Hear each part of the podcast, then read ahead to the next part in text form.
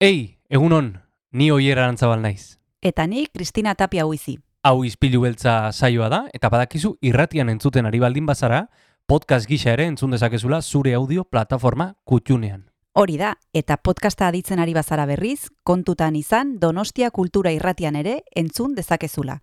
FM eundazazpi puntu lau frekuentzian. Sare sozialetan ere topatuko gaituzu noski, izpilu beltza bilatuta, Instagram, Facebook eta Twitterren. Besterik gabe, guazen gaurko saioarekin. Az gaitezen,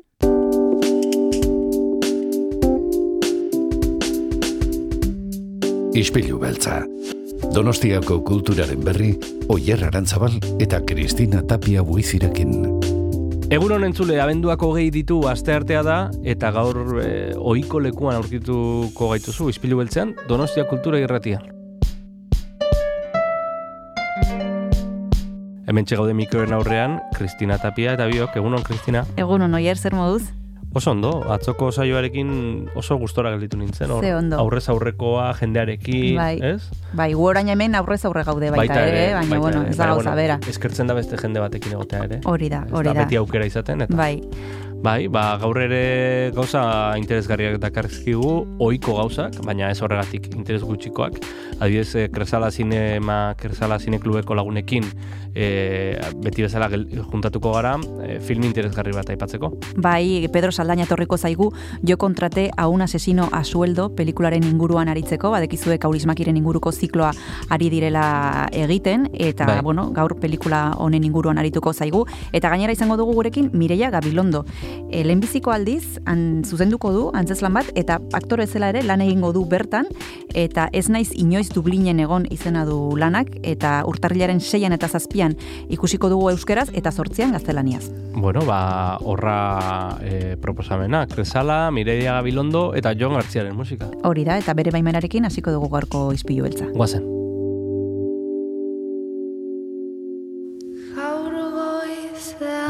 Bazen gaurko saioarekin entzule, eta hori baino lehen berde pratoren bertsio bat eh, entzungo dugu. Agurra, Lourdes Iriondoren agurraren bertsioa kaleratu du bere Euskal Pop erradikala izeneko lanean, eta horrekin hasiko dugu gaurko saioa.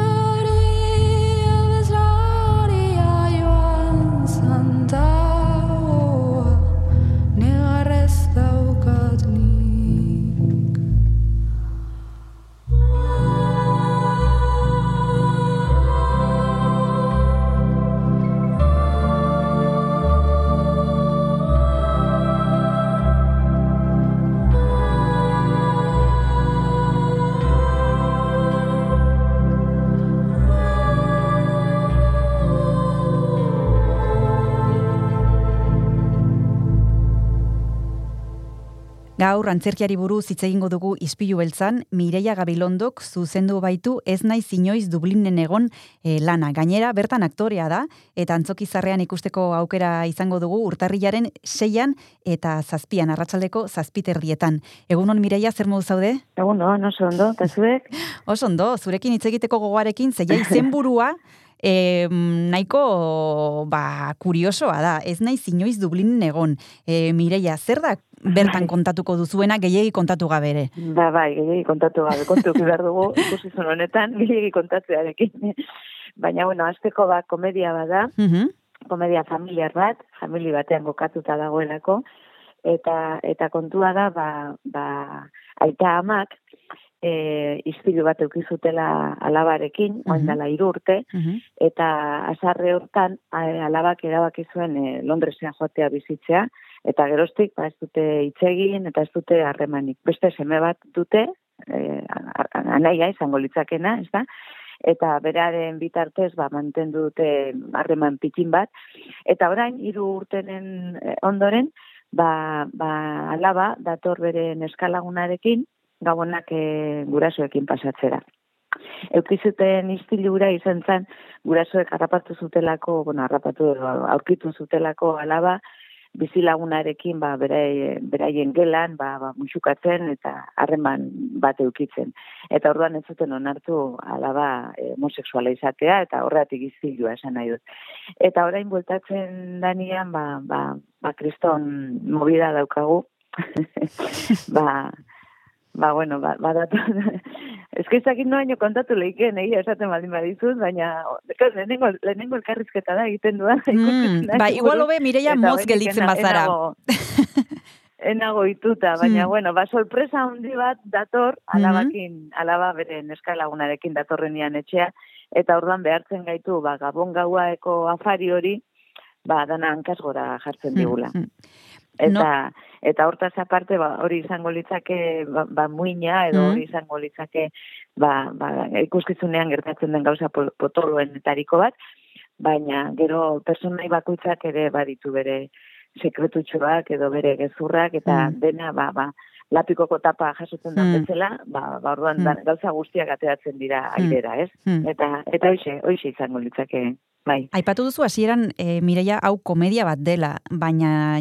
jorratzen dituzuen gaiak edo behintzat orainzuk laburki kontatu dituzunak eta antzematen direnak e, ez dira e, komedia batekoak, ez? Ez, e, ga- ez da gai serioak dira, familian istilu bat, e, alaba e, bikote bat dauka neska dena, hori ez onartzea, eta bar, bueno, e, a- mai gainean jarriko dituzuen gaiak e, berez serioak dira, baina zuek komedia erabaki duzue e, erabiltzea honi buruz hitz egiteko. Zergatik? Bai, bueno, nik azteko esango nuke komedia gehientsuenak edo nabaritsuenak edo importanteenak edo niretzako e, denak e, gauza serio eta hitz Hmm. egiten dutela, Hmm. naiz eta Hmm. gero, ba, bueltatxo hori eman, eta eta askotan, ba, bueno, komedia hundietan, ba, oso gai serioa jorratzen direla, esango nuke.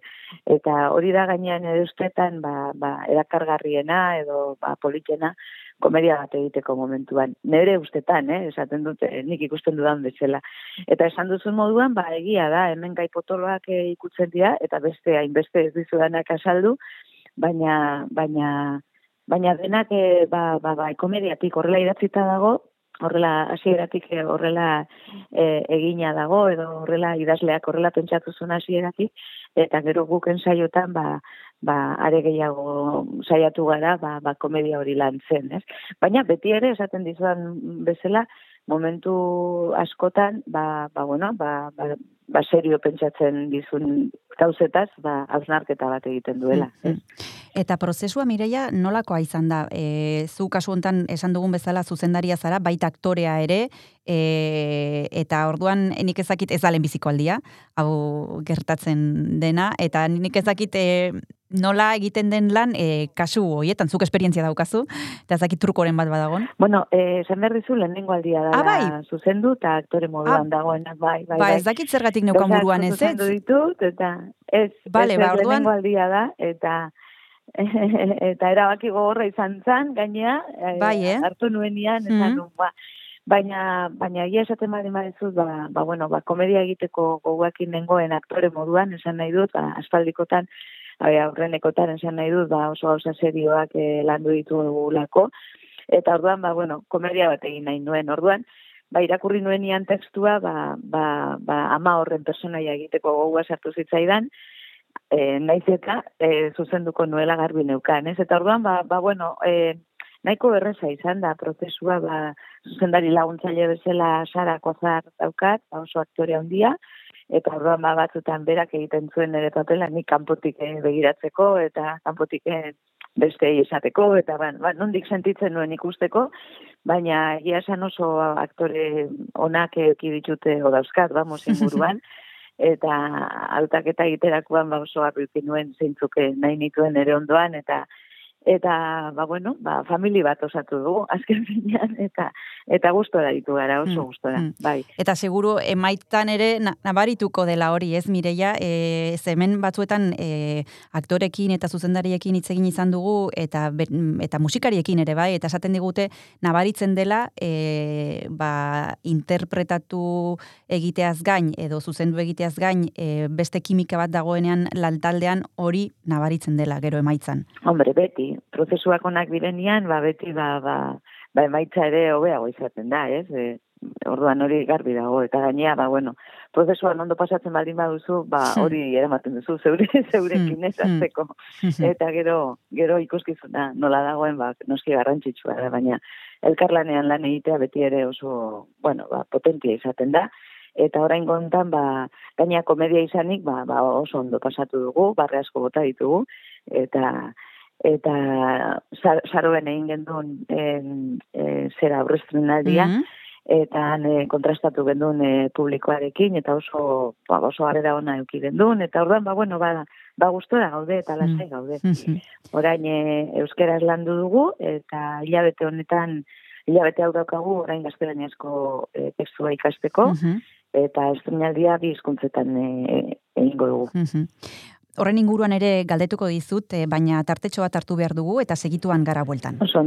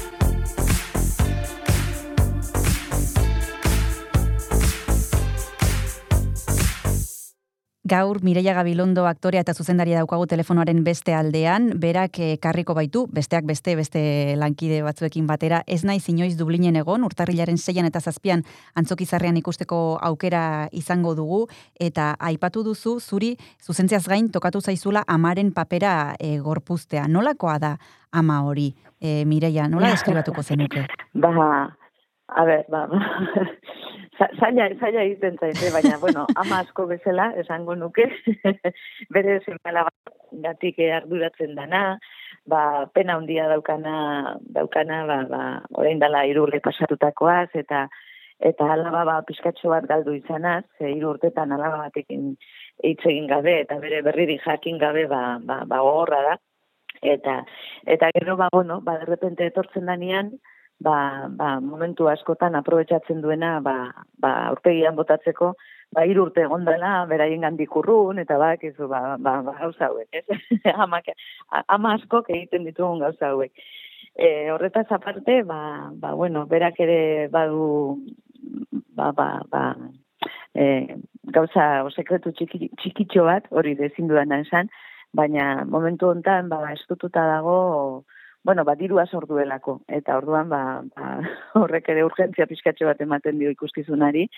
Esan dizudan bezala pertsonai guztiak dute bere bere bere sekretua edo bere mina edo ba konpondu beharreko zeo zer eta eta hori ba gau hontan ba danei gertatzen zaigu ba bueno aurre egin behar izatea eta besteek eh, jakitea ba besteari gertatzen zaion, ez? E, hortaz aparte, ba, ba, bere senarrarekin ere harreman e, nahiko berezia dutenak, ba, senarra ere ba, ba, ba, azken bolalda, bolaldian tan gizki dabilelako, eta, bueno, ba, ba, lanik gabe daolako, eta, bueno, eta orduan etxea pizkatxo bat hankaz gora daolako. Mm, mhm. Ikusten duguna, Mireia da, e, familia guztietan gertatzen direla gauzak, eta pertsona guztiek daukatela nolabaiteko motxila bat, edo sekretutxoak zuk esan duzun bezalaz, eta azken aldi hontan ikusten ari garena da, ematen dula ondokoa beti daukala bizitza perfektua, ez? Eta are gehiago gaur egun, ba, sare sozialekin, eta telebistarekin, eta bar, ematen du e, gurea desastrea dela, eta ondokoarena e, zoragarria. Eta gero, konturatzen Bai, gara, ez dela, ez dela inbesterako eta denok ditugula gure gauzak eta zuka esan duzu ez, saroben egin zenuten aurrestrenaldia eta jendea pozik gelditu zen agian identifikatuta sentitu zirelako, ez? Bai, noski, jente asko esaten du, ba, esan zigun, vamos, gerturatu zian esatea, ba, ba, oso gertukua sentitzen dala, ba, famili guztiak bezala, naiz eta batzuk konkretu batzuk euki, eta beste batzuk beste batzuk, ez? Baina, baina azkenian, ba, ba, famili guztietan, eta are gehiago esango nuke, ba, gabonetako afari Hmm, bai. elkartzen garenian, ez? Ba, ba, bueno, beti ere, ba, ba, es un caldo de cultivo, ez? Esan nahi dute, ba, gauzak eh, gertatzeko, edo harremanak eh, apurtzeko edo hobete, hobetzeko edo katarsi baten ondoren ba, ba gauzak eh, hobeto joateko, ez? Askotan ikuste dut hori pentsatu behar dela. Batzutan ba ba bronka txiki hoiek, txikiak baldin badira, ba onerako izaten direla edo gauzak eh, konpontzeko behintzat, ez? Orduan, ba, ba bai, noski, familia guztiak identifikatuta sentituko dira. Momentu batean edo bestean. Bueno, ba, jarraituko dugu Mireia Gabilondorekin hitz egiten, bigarren deskantzu bat hartu behar dugu, eta oraintxe bertan segituko dugu hitz egiten ez naiz inoiz Dublinen egon lanaren inguruan.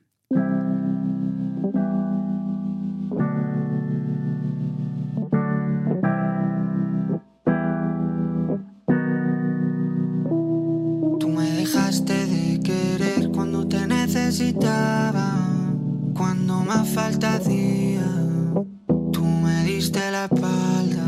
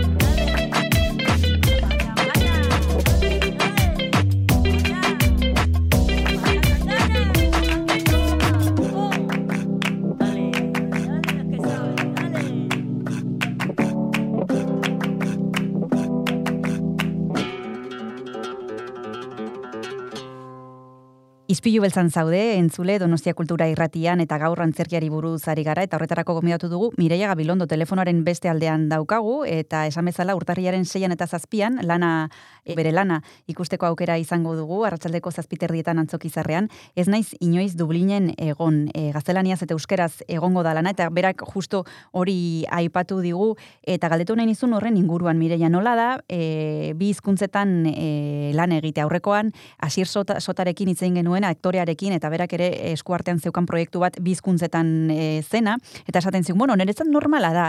Ez dut ez ez, ez dut e, ez diot garrantzirik ematen ja ohituta nago, baina bi hizkuntza dira, e, ba, hizkuntza bakoitzak ditu bere nabardurak eta nik ezakit ja integratuta daukazuen edo konpartimentuta konpartimentuak dituzue buruan edo nola nola Bai. egiten da hori. Hombre, egia da ohituta gaudela. E, urte asko dira ba hemen e, konpainia gehientsuenak ba ba horrela lan egiten duguna eta orduan ba ba ohituta gaude. Ohituta egote horrek ez du esan nahi kriston lana denik eta eta kriston esfortzua dela, ez? Esan nahi dute azkenean guk eh, kasu hontan euskeraz eh, egin ditugun saioak Orduan, ba, bueno, lehenengo hizkuntza hori beti ere ba, barrurago sartzen da, Hmm, edo hmm, ohitura hmm. gehiago daukagu, edo denbora gehiagotan aditu zara hori egiten, eta eta orain ba, ba hilabete honetan esan dizudan bezala, ba, bueno, ba, beste testua sartu behar dugu e, muinean, eta, eta gero biak ba, normalki egin.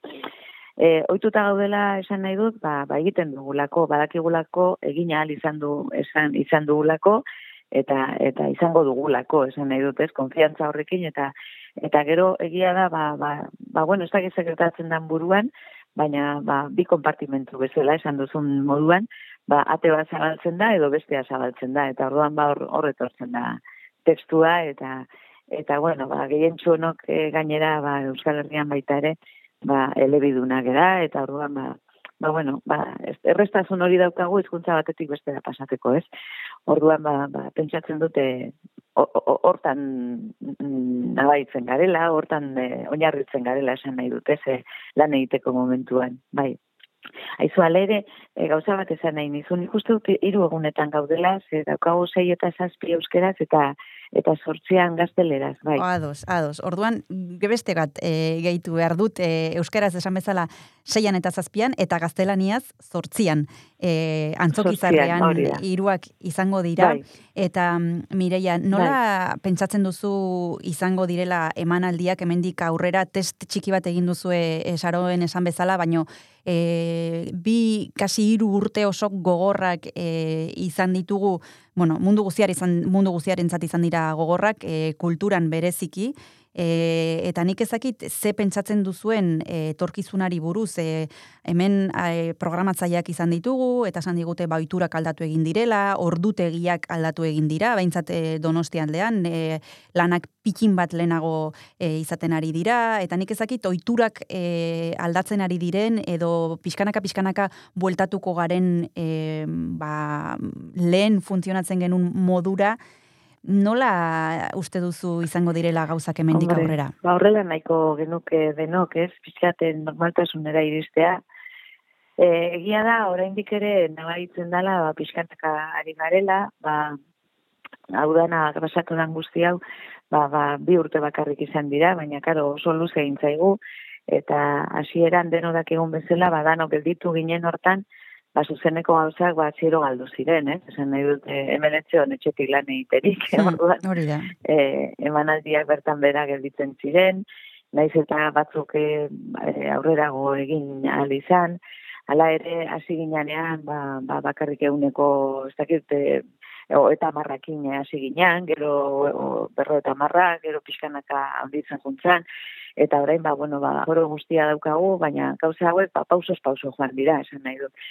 Eta, eta bideo hontan nik uste du jende askok ere, ba, ba bueno, ba, zenetako gauzetara juteko ohitura galdu egin duela, edo, edo ez dakit zergatik, ba, ohitura galtzeagatik, e, beldurragatik beste kasu batzutan, badana alakua, ez? baina egia da, ba, kostatzen ari dela, naiz eta de repente, ba, ba, toki batzutara joan, eta ematen du normaltasun hori, ba, baia gainditu dala, edo lortu dala, eta de repente, ba, aretoak zero beteta ikustea, ba, ba, kriston posa ematen du, eta ematen du, ja, ba, ba, ba, lortu dugula, ez, e, normaltasun hori. Naiz eta esaten dizut, e, segun eta zerritan oraindik ere nabaitzen da, e, ba, ba, aforoa ba, ba, gutxitu egin dela, bai. Baina, bueno, hortan gabiltza eta hor jarraituko dugu, eta guk zer esan nahi dizut, ba, ba, gu gogotxu eta hor jarraitu dugu, ba, pandemia osoan ere hortan jarraitu dugu, gelditu behar gendun egun hoiek kenduta, ba, gero pixkanaka, pixkanaka, ba, ja, bueno, ahazten ari gara, baina, baina akordatzen nahi zain bat emanaldi, e, ba oso jente gutxi hurbiltzen zala, baina hain zan polita orduan ere ba, jarraitzea lan egiten, eta naiz eta jende gutxi etorri, ba, bueno, ba, beraientzako egiten gendun, eta beraiek e, disfrutatzen zuten, ba, aretua bete eta ongo balitz bezala, ez? Eta orduan, ba, pauso horiek ematean igustu garrantzitsua izan dela, eta eta orain, ba, Bera, e, pasadan astian Madrilen egon naiz e, antzerkia ikusten, eta areto guztiak beteta zeuden, ez? Eta maskarilla gabe, eta esan nahi dut da, bueno, ba, ematen du bagoa zela aurrera.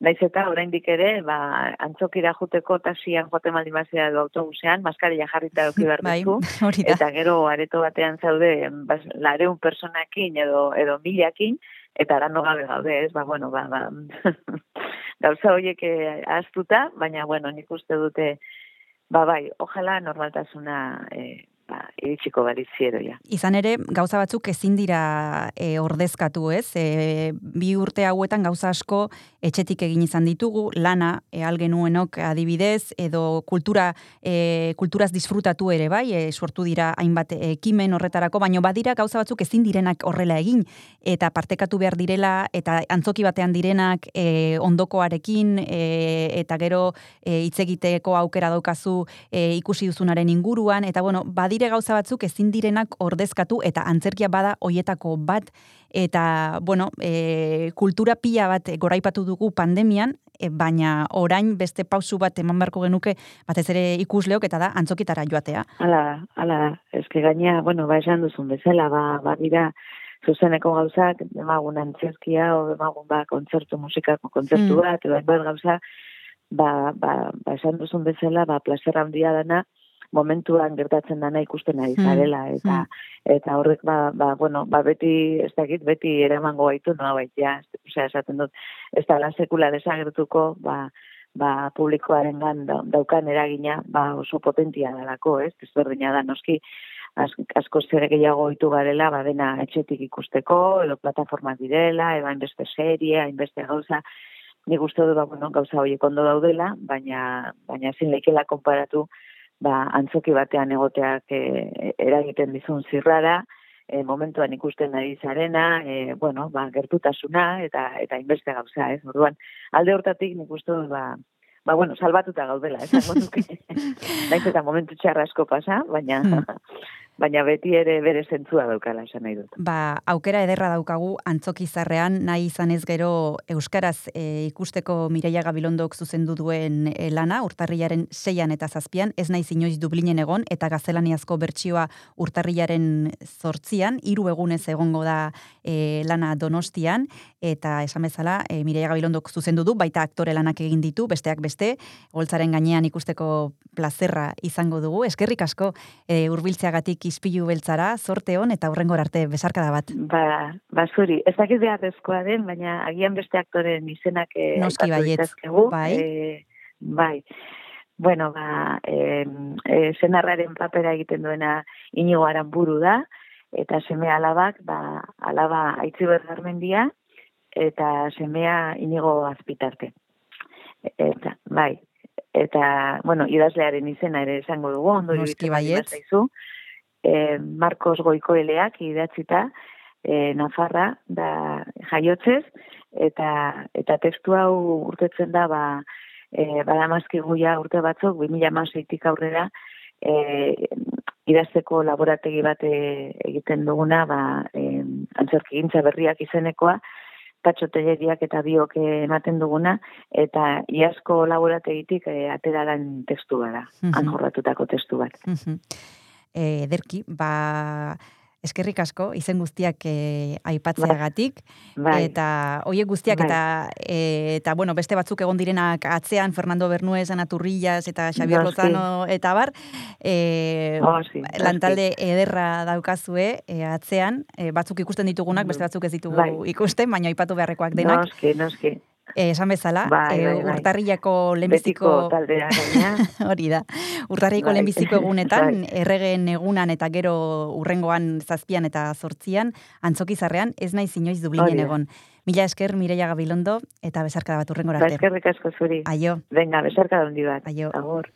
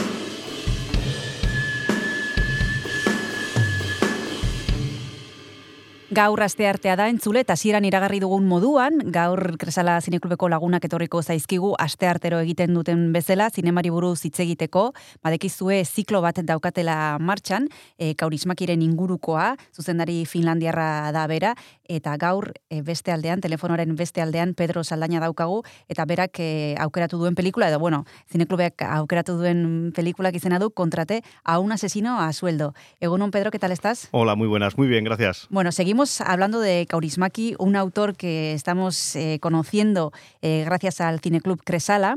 Y hoy, como hemos dicho en la introducción, nos vais a hablar de una película que se titula Contraté a un asesino a sueldo, una película que el director finlandés eh, grabó, bueno, no sé si grabó, pero bueno, al menos dio a conocer en el año 1990, que dura 79 minutos. Y lo primero de todo, como siempre hacemos, Pedro, es saber de qué se trata, de qué trata el autor en, en esta película. ¿Qué nos Mm, cuenta? Hombre, ya hay un poco de spoiler en el, en el propio título. Yo contraté un asesino a sueldo, pues es. Voy a intentar no hacer más spoiler del que ya hace el, el título de la película. Eh, a ver, eh, bueno, lo primero es de 1990, como has dicho, coincide en el año con la anterior película que hemos echado de este director, La chica de la fábrica de cerillas, y para mí dos de las mejores películas de Aki Kaurismäki las hizo este año y son, son estas dos. Esta, La chica de la fábrica de cerillas, no era una comedia, esta sí. Ah, Pese a que sea un tío que contrata un asesino a sueldo, es una comedia en toda regla. Eh, el protagonista es despedido de su trabajo, luego comento algunas cosillas de cuando le despiden del trabajo porque es bastante eh, divertido, aunque bueno, eh, cruel también en cierta manera. Pero bueno, eh, el caso es que le, le despiden y entonces pues se le ocurre la genial idea de como él no es capaz de, de llevar a cabo, eh, de suicidarse, de llevar a cabo el suicidio, pues decide eh, recurrir a profesionales. La premisa sí no es nada cómica, a priori, desde luego. Sí, cierto, cierto. Lo que pasa es que desde el primer momento, eh, Kaurismäki nos pone en un universo. Bueno, para empezar, el protagonista es Jean-Pierre Léaud, el eh, actor fetiche de, de François Truffaut, que es un francés que vive en Inglaterra. Entonces, bueno, pues como he dicho, le, le despiden del trabajo, pero por ejemplo, la secuencia en la que le despiden es bastante divertida porque el jefe bueno, le llama, tiene lo primero que ve es un montón de relojes en bolsas, que son los relojes que luego van a, van a dar a los empleados. Eh, y entonces le dice el jefe, bueno, pues tenemos que hacer unos recortes en plantilla y, y le suelta, hombre, entenderá usted que empecemos con los extranjeros. Y claro, ya ahí es como, además, bueno, Inglaterra, que tiene una gran tradición eh, de, inmigración en, eh, ahí en su tierra, entonces, bueno, pues quiero decir, eh, Kaurismäki, un extranjero en, en Inglaterra, porque claro, no he dicho, esta película está, está rodada en Inglaterra, además está dedicada a Michael Powell, que murió también en 1990, es un director bastante famoso que hizo eh, bastantes películas de cine clásico con eh, Pressburger. Y bueno, digamos que la comedia está eh, constantemente presente. Eh, por ejemplo, el, lo que, o sea, quiero decir, claro, cuando lo ves, sí que de alguna manera es, es hilarante. Eh, a él no le hace caso absolutamente ningún compañero de trabajo. Eh, le vemos en el metro, los compañeros de trabajo están en el mismo metro que él, pero siguen eh, hablando entre ellos. No, le, le tratan como, pues, como si no existiese. Y, y, luego cuando llega a casa sí que es cierto, los únicos seres vivos que le están esperando son unas plantas. So, es, digamos que es su único, o sea, es el, el, único ser vivo que necesita de su atención. Todo el mundo puede girar perfectamente sin él y de esto, hombre, se da, se da cuenta también él y de ahí el paso que quiere dar de, de quitarse de en medio. Ahora mismo vamos a seguir hablando, Pedro, de esta película de Kaurismäki, pero antes nos vamos a tomar un descanso y ya sabes que te voy a pedir para eso una canción. Uh -huh. No sé qué has pensado para compartir con los oyentes. Sí, eh, una, una, canción de la banda sonora de la película uh -huh. que se titula Time on My Hands de uh -huh. Billie Holiday. Perfecto, pues vamos a escuchar a Billie Holiday.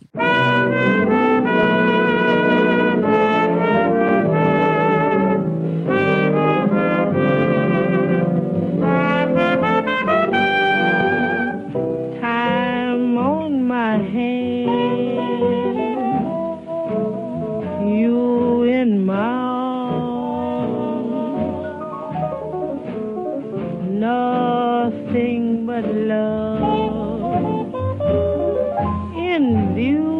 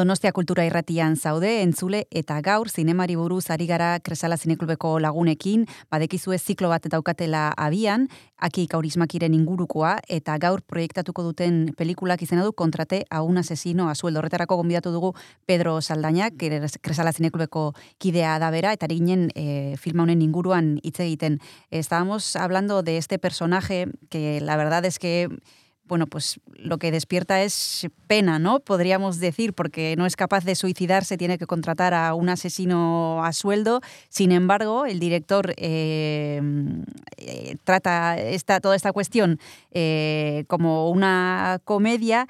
Y mm, decías antes, Pedro, que en tu opinión esta, junto con la película que hablamos la vez anterior, es de las mejores de la filmografía del director finlandés. ¿Por qué?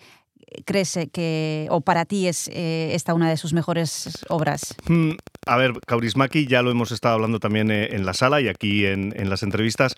Es un cineasta que, digamos que con muy poco cuenta mucho cinematográficamente hablando, o sea, hablando con la cámara sin necesidad de diálogos, es capaz de expresar muchas de las cosas. Por ejemplo, eh, mm,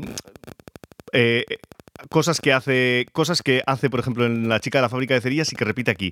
Eh, corta la cabeza por ejemplo a uno de los personajes bueno cuando digo corta la cabeza me refiero a que el plano en vez de ser en vez de encuadrar desde la cabeza pues hasta hasta la cintura hasta hasta las rodillas en plano general el que sea lo que hace es cortar la cabeza de, de los personajes lo hace a veces eh, de alguna manera normalmente eso se hace pues para bien despersonalizar eh, pues, de alguna manera anular eh, a esa persona. En La chica de la fábrica de cerillas tenía una intención, lo hace cuando el padrastro de, de Katia Utinen, de la protagonista, va a decirle que, que le de casa, entonces es un plano en el que él no aparece con la cabeza, es de cuello para abajo, para que nos entendamos. Y aquí también hace algo parecido, por ejemplo, cuando a él, eh, bueno, cuando le echan del trabajo, él se vuelve a sentar en la mesa pero no le vemos la, la cabeza, le vemos de cuerpo para abajo. Vemos la mesa eh, eh, que tiene delante y vienen unos tíos y se llevan la mesa y se queda él solo en la silla. Quiero decir, una como un plano bastante patético, triste, eh, quiero decir, no le queda ya nada de, todo esto.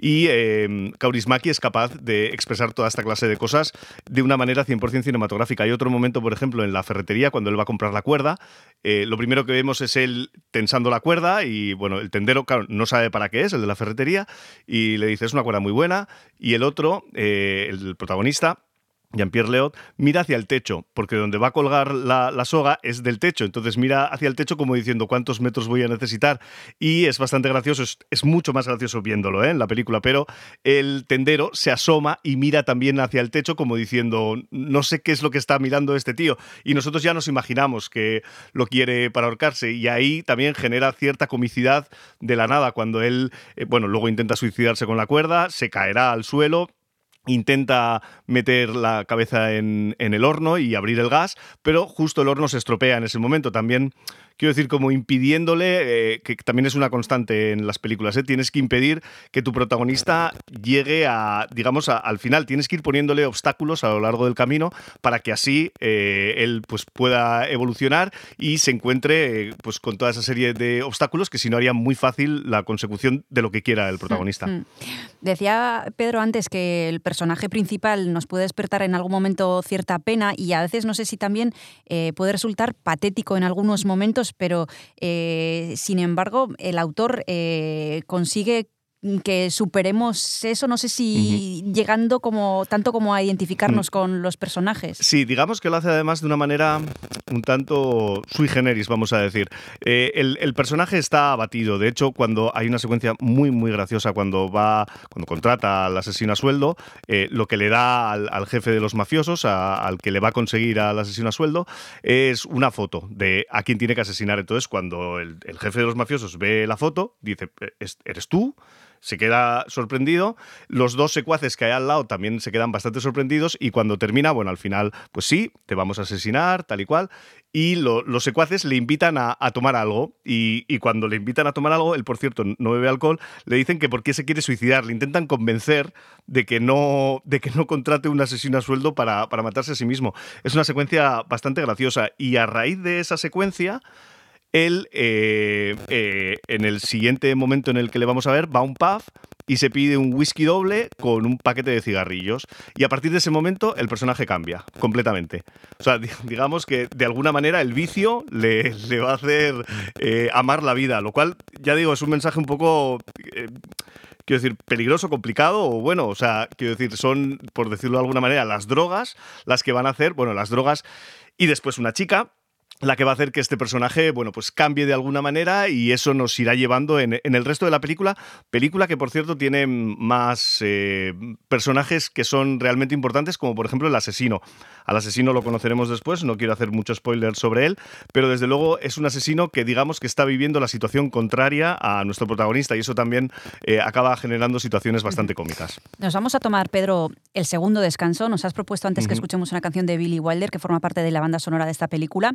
Para este segundo descanso, ¿qué se te ocurre? Pues eh, otra, otra canción que, que, sale en la película, que es Burning Lights de Joe Strummer. Perfecto, pues vamos allá. One, two, three, four.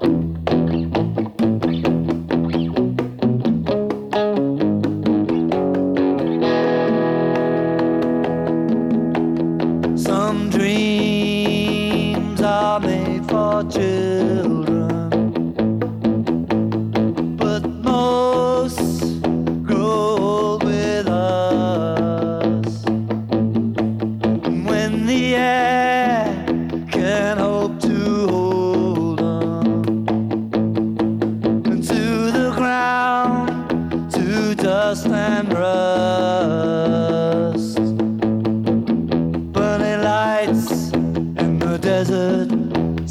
Sign only you would know.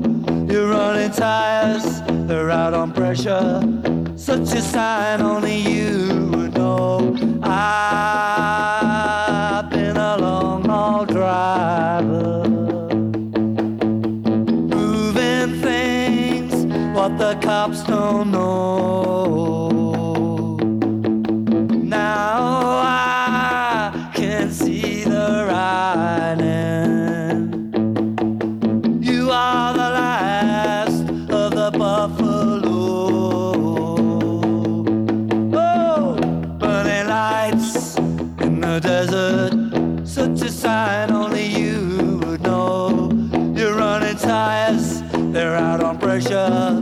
Such a sign only you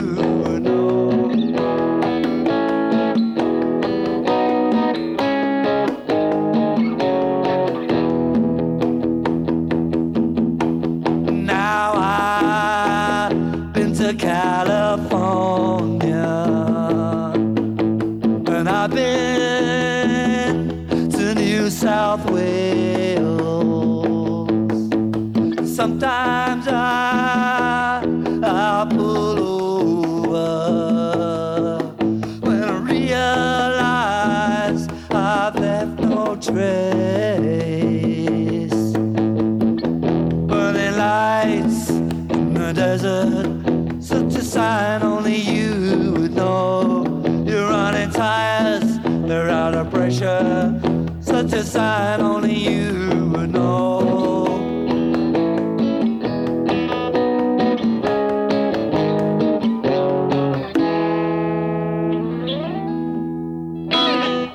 Izpilu beltzan gaude eta gaur aste artea denez zinemari buruz ari gara hitz egiten eta horretarako gonbidatu ditugu Kresela Zineklubeko lagunak.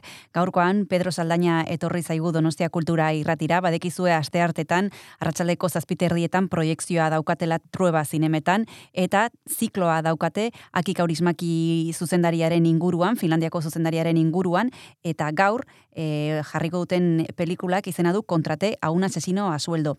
Eh, Pedro, llevamos unos días hablando ya de, de Kaurismäki y, bueno, al- tal vez lo hayamos explicado en alguna ocasión anterior, pero me gustaría volver a recordarlo que sobre todo Europa nos describe este autor a través de estas películas en las que, por ejemplo, en esta última y, en la anterior eh, nos estaba hablando de, de personas trabajadoras, eh, nos habla del- bueno, de una situación en la que ambos eh, tienen el trabajo bueno, es un trabajo mm, duro, podríamos decir, a uno le despiden, bueno, eh, se fija mucho en, en la clase trabajadora y a través de estas películas, ¿qué Europa estamos viendo? Sí, hombre, mira, por ejemplo, en la que echamos de Le Havre, que bueno, pues va sobre, sobre la inmigración, la inmigración que quiere pasar a esta película es de 2011, la echamos hace un mes y poco. Digamos, a ver, es- él tiene una mirada muy humanista, muy eh, se compadece mucho de sus propios personajes. Que eso es algo, quiero decir, aunque eh, haya contado todo eso de- del protagonista de, esta película, realmente llegas a empatizar con él. Eh, los personajes de, de Kaurismäki en las películas que, hemos echado hasta ahora son personajes realmente muy humanos que están deseando enamorarse, que están deseando vivir experiencias que eh, él es capaz de, transmitir esa, esa humanidad en, en seres humanos totalmente imperfectos. Eh, seres humanos que tienen vicios, que, tienen fallos, pero que también de alguna manera se aferran a la vida y se aferran bueno, pues a. Quiero decir, le, intentan buscar un, sentido a la vida. Muchas veces en las películas que hemos visto hasta ahora, estoy acordando, por ejemplo, las dos primeras, Sombras en el Paraíso y Ariel, eh, es a través del amor. En esta película también, ¿eh? es que de hecho, mm, no, ya, ya decía antes, no quiero hacer mucho spoiler, pero es que será a través del amor cuando él, pues de alguna manera diga, hombre, igual eso de suicidarse no era tan buena idea. Es mejor eh, intentar vivir otras experiencias que no haya vivido hasta ahora. Y a mí lo que más me gusta es cómo es capaz de, conjugar eh, la comedia con estos momentos más, bueno, tristes o duros de, su propia realidad. Pero eh, en general, pues como en muchas de las películas de Chaplin, por ejemplo, o de otros directores, digamos que mm, siempre intenta terminar bien la historia. O sea, no eh, da- dar un les deja una vía de escape a sus personajes y esto me parece que también es muy bonito porque bueno siempre o sea, sí- siempre estamos con, historias realmente trágicas que, que terminan mm, realmente mal, que eh, quiero decir que también está muy bien, pero a mí, a mí me gusta mucho esta mirada. Eh, en algunos momentos es que también los actores, cómo, cómo actúan, eh, ya hemos hablado también alguna otra vez que eh, Kaurismäki bebe mucho de, Robert Bresson, eh, de, mm, cómo los personajes, digamos que están muchas veces hieráticos, en una posición como un poco rígida.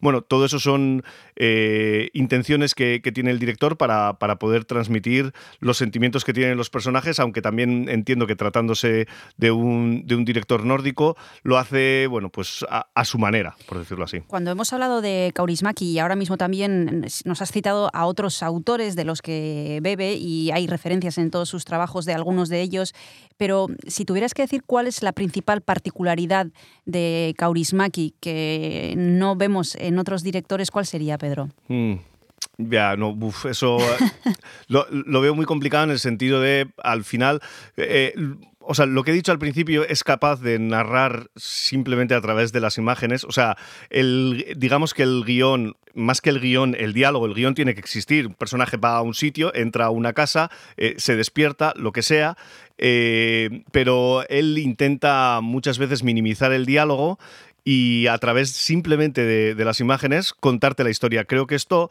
esto lo hacen todos los grandes directores de la historia del cine, pero en Kaurismäki desde luego tiene un poder muy interesante porque mientras, por ejemplo, en el cine de Hollywood está mm, quizá, digamos, encorsetado en, en cómo funciona el sistema de, estudios, Kaurismäki y los directores europeos en general y de otros continentes tienen una libertad mayor. Quizás también tienen eh, otras complicaciones, como puede ser tema presupuestario, eh, grandes actores, etcétera, pero digamos que eh, a Kaurismäki me da la sensación de que nunca le ha preocupado demasiado y trabaja muy, muy bien con, con los actores para que de alguna manera sean creíbles, aunque eh, durante gran parte de la película estés diciendo, pero qué, pero cómo es tan soso, pero cómo es no sé qué, pero cómo es no sé cuánto, de alguna manera eh, al final acabas eh, empatizando y diciendo, joder, yo, yo quiero ser como él, o yo soy como él, o me cae bien, o le invitaría a un café.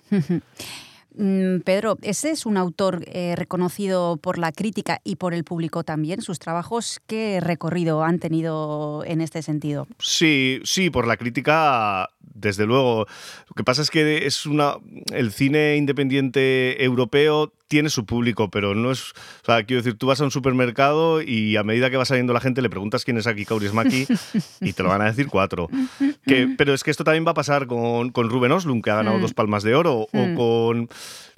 Quiero decir, mm, al final en el, mundo del cine es muy grande, afortunadamente, y hay muchas oportunidades para, para esta clase de directores, tanto en festivales como luego el, el recorrido que puedan tener en salas sus películas, aunque eh, sí que es cierto que, bueno, pues eh, es, es también complicado porque, bueno, pues porque la mayoría de la gente... Me estoy acordando, por ejemplo, de Giorgios Lantimos, que eh, empezó haciendo cine en Grecia, eh, un cine realmente muy, muy, muy especial, como decía Boyero, eh, cine para... Él decía para festivales, para festivales que, no, que, no era un cine que luego pudiese tener un recorrido comercial, yo no estoy para nada de acuerdo. Lo que pasa es que ese recorrido comercial eh, efectivamente sí que es mucho menor, pero luego Giorgios Lantimos ha llegado a Hollywood, hizo La Favorita y La Favorita estuvo nominada a un montón de Oscars y se ha adaptado de alguna manera, ha adaptado su estilo. Bueno, hizo también El sacrificio de un ciervo sagrado con Nicole Kidman. Eh, bueno, o sea, mm, digamos que sí que hay directores luego que son capaces de llegar a, pues eso, a, hacer grandes películas eh, de muchos millones de euros de, presupuesto. Estoy pensando también en Bon Joon-ho. Bon Joon-ho hizo Obja en 2000, yo creo que 17 o por ahí. Eh, Luego hizo también Snowpiercer con Chris Evans, que es el, el actor del Capitán América. Eh, y es un director coreano que mm, sus, primeras, sus dos primeras películas estuvieron en San Sebastián, son estupendas las dos. Y luego, eh, digamos que, o sea, hay directores que por eh, la razón que sea, sí que se le da una oportunidad, digamos, en, en otros ámbitos. Quizás también porque ellos la buscan. Igual Kaurismäki sí que ha hecho películas. Le abre, por ejemplo, es una película francesa. Esta, yo contraté una sesión a sueldo, es una película inglesa. Eh, pero digamos que, bueno, pues tiene, Al- Almodóvar también eh, ha podido dirigir en, en otros lugares, pero digamos que no todos eh, tienen esa posibilidad.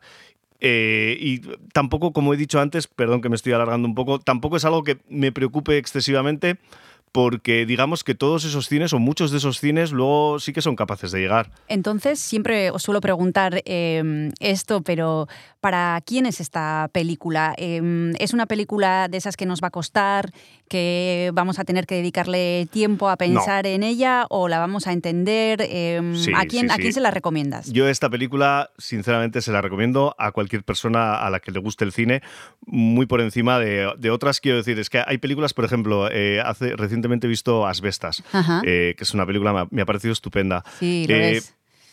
pero el ritmo puede, o sea, hay gente, eh, he leído en algunos sitios, que le falta media hora, que no sé qué, que no sé cuántos.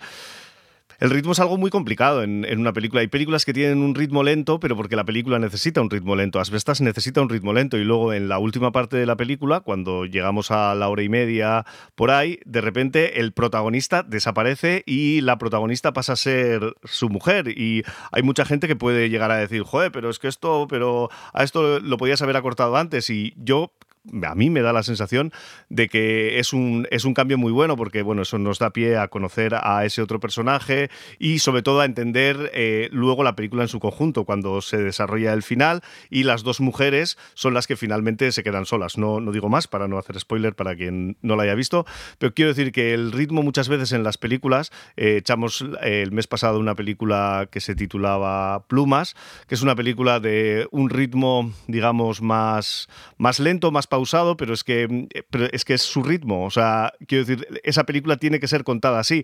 Eh, si tú lo que quieres contar, por poner un ejemplo, eh, perdón que me estoy volviendo a enrollar, pero si tú lo que quieres contar es eh, una gota cayendo y eh, quiero decir, se- se- en ese caso se trata de estirar el tiempo. O sea, si, si lo que quieres es mostrar eh, una cascada, una cascada siempre va a ser mucho más acelerada. O sea, la, la manera de narrar las películas nace del propio guion de la propia película y de la propia idea que tú quieres transmitir. Entonces hay películas que son, digamos, más pausadas y, y lentas. Estoy pensando en Berman, estoy pensando en Belatar, en gente así. Y luego tienes películas como Requiem por un sueño, que son exactamente lo contrario. O las películas de Guy Ritchie, Snatch Cerdos y Diamantes, Rock and Rolla, Lock and Stock, que son películas, digamos, mucho más dinámicas y, bueno, luego, quiero decir, te pueden gustar más unas que otras, ¿eh? pero eh, todas son películas muy, muy interesantes. Esta en concreto, la de, para, por responder a tu pregunta, la de Yo contraté un asesino a sueldo, es una película que tiene para mí el ritmo perfecto, avanza muy ágil, eh, Kaurismäki sus películas siempre son muy cortas porque digamos que condensa mucho la acción, hace muy buenas eh, elipsis, es capaz de contarte cosas de manera muy ágil y son películas muy ligeras de ver y que yo creo además que bueno, es una oportunidad de oro de, de poderlas ver en, pantalla grande en su formato original. Pues recomendamos a, como has dicho tú, a cualquiera que le guste el cine que vaya a ver Yo contraté a un asesino a sueldo. Esta tarde en los cines Trueba a las siete y media, porque es una película que, según nos ha dicho el experto que es Pedro Saldaña, que nos puede gustar y que vamos a ver con facilidad eh, dentro del, del ciclo de Kaurismaki que tienen eh, los amigos del Cine Club Cresala. Muchas gracias, Pedro, por haberte acercado otra vez más a Ispiu Elsa. Un abrazo y hasta la próxima. Muchas gracias a vosotros. Hasta luego. Agur. Agur.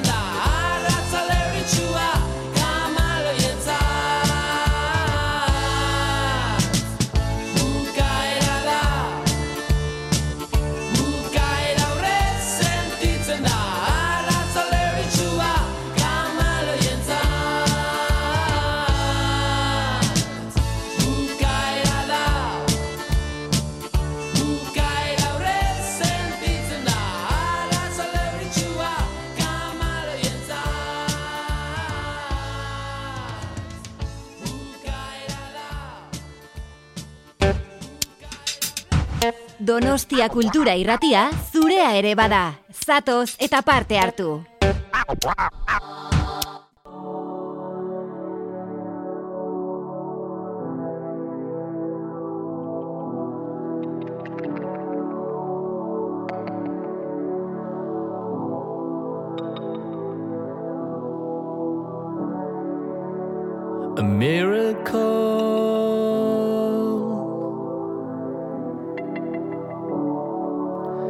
It's a miracle we need.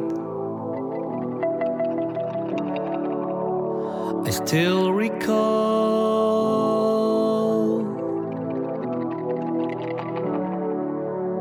another kind of real. Let it come closer.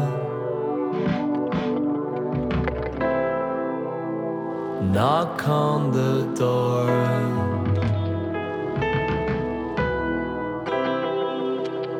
Imagine the feeling.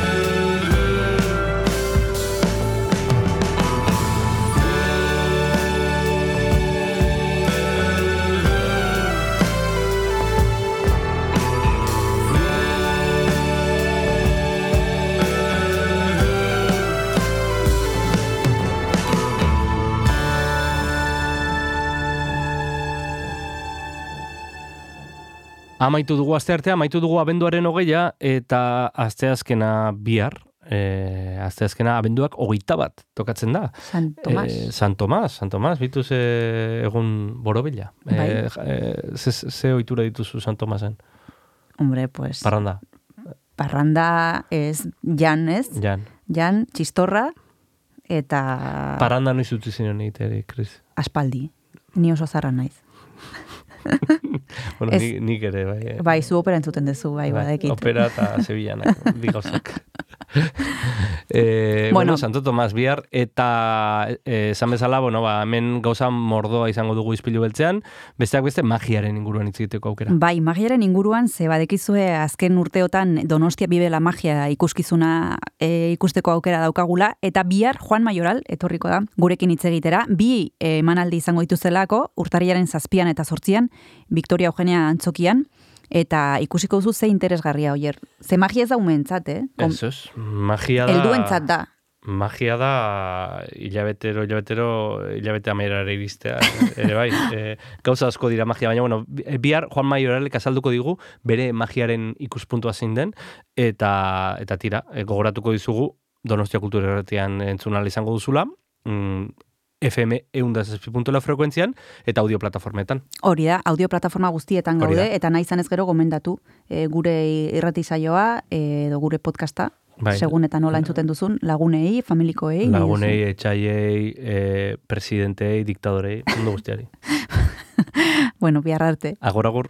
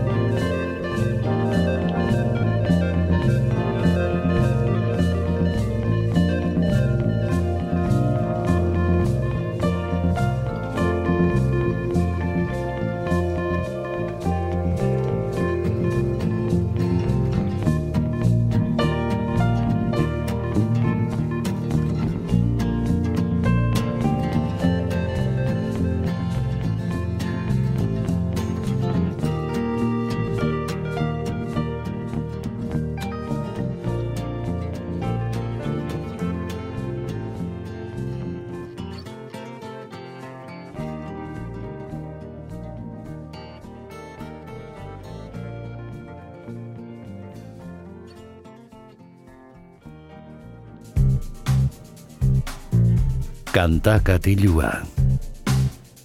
Jon Gartziaren eskutik. Kaixo entzule ongietorri gaurko kantakatiura, iritsi gara izpiu eltzari amaira emateko momentura, eta pozik gatoz izan ere zestoatik e, disko berria etorri zaigu Espalak taldearen hortz aina hots e, izeneko diskoa kaleratu berri dute eta kantu honekin hasten da kontran izeneko abestiarekin.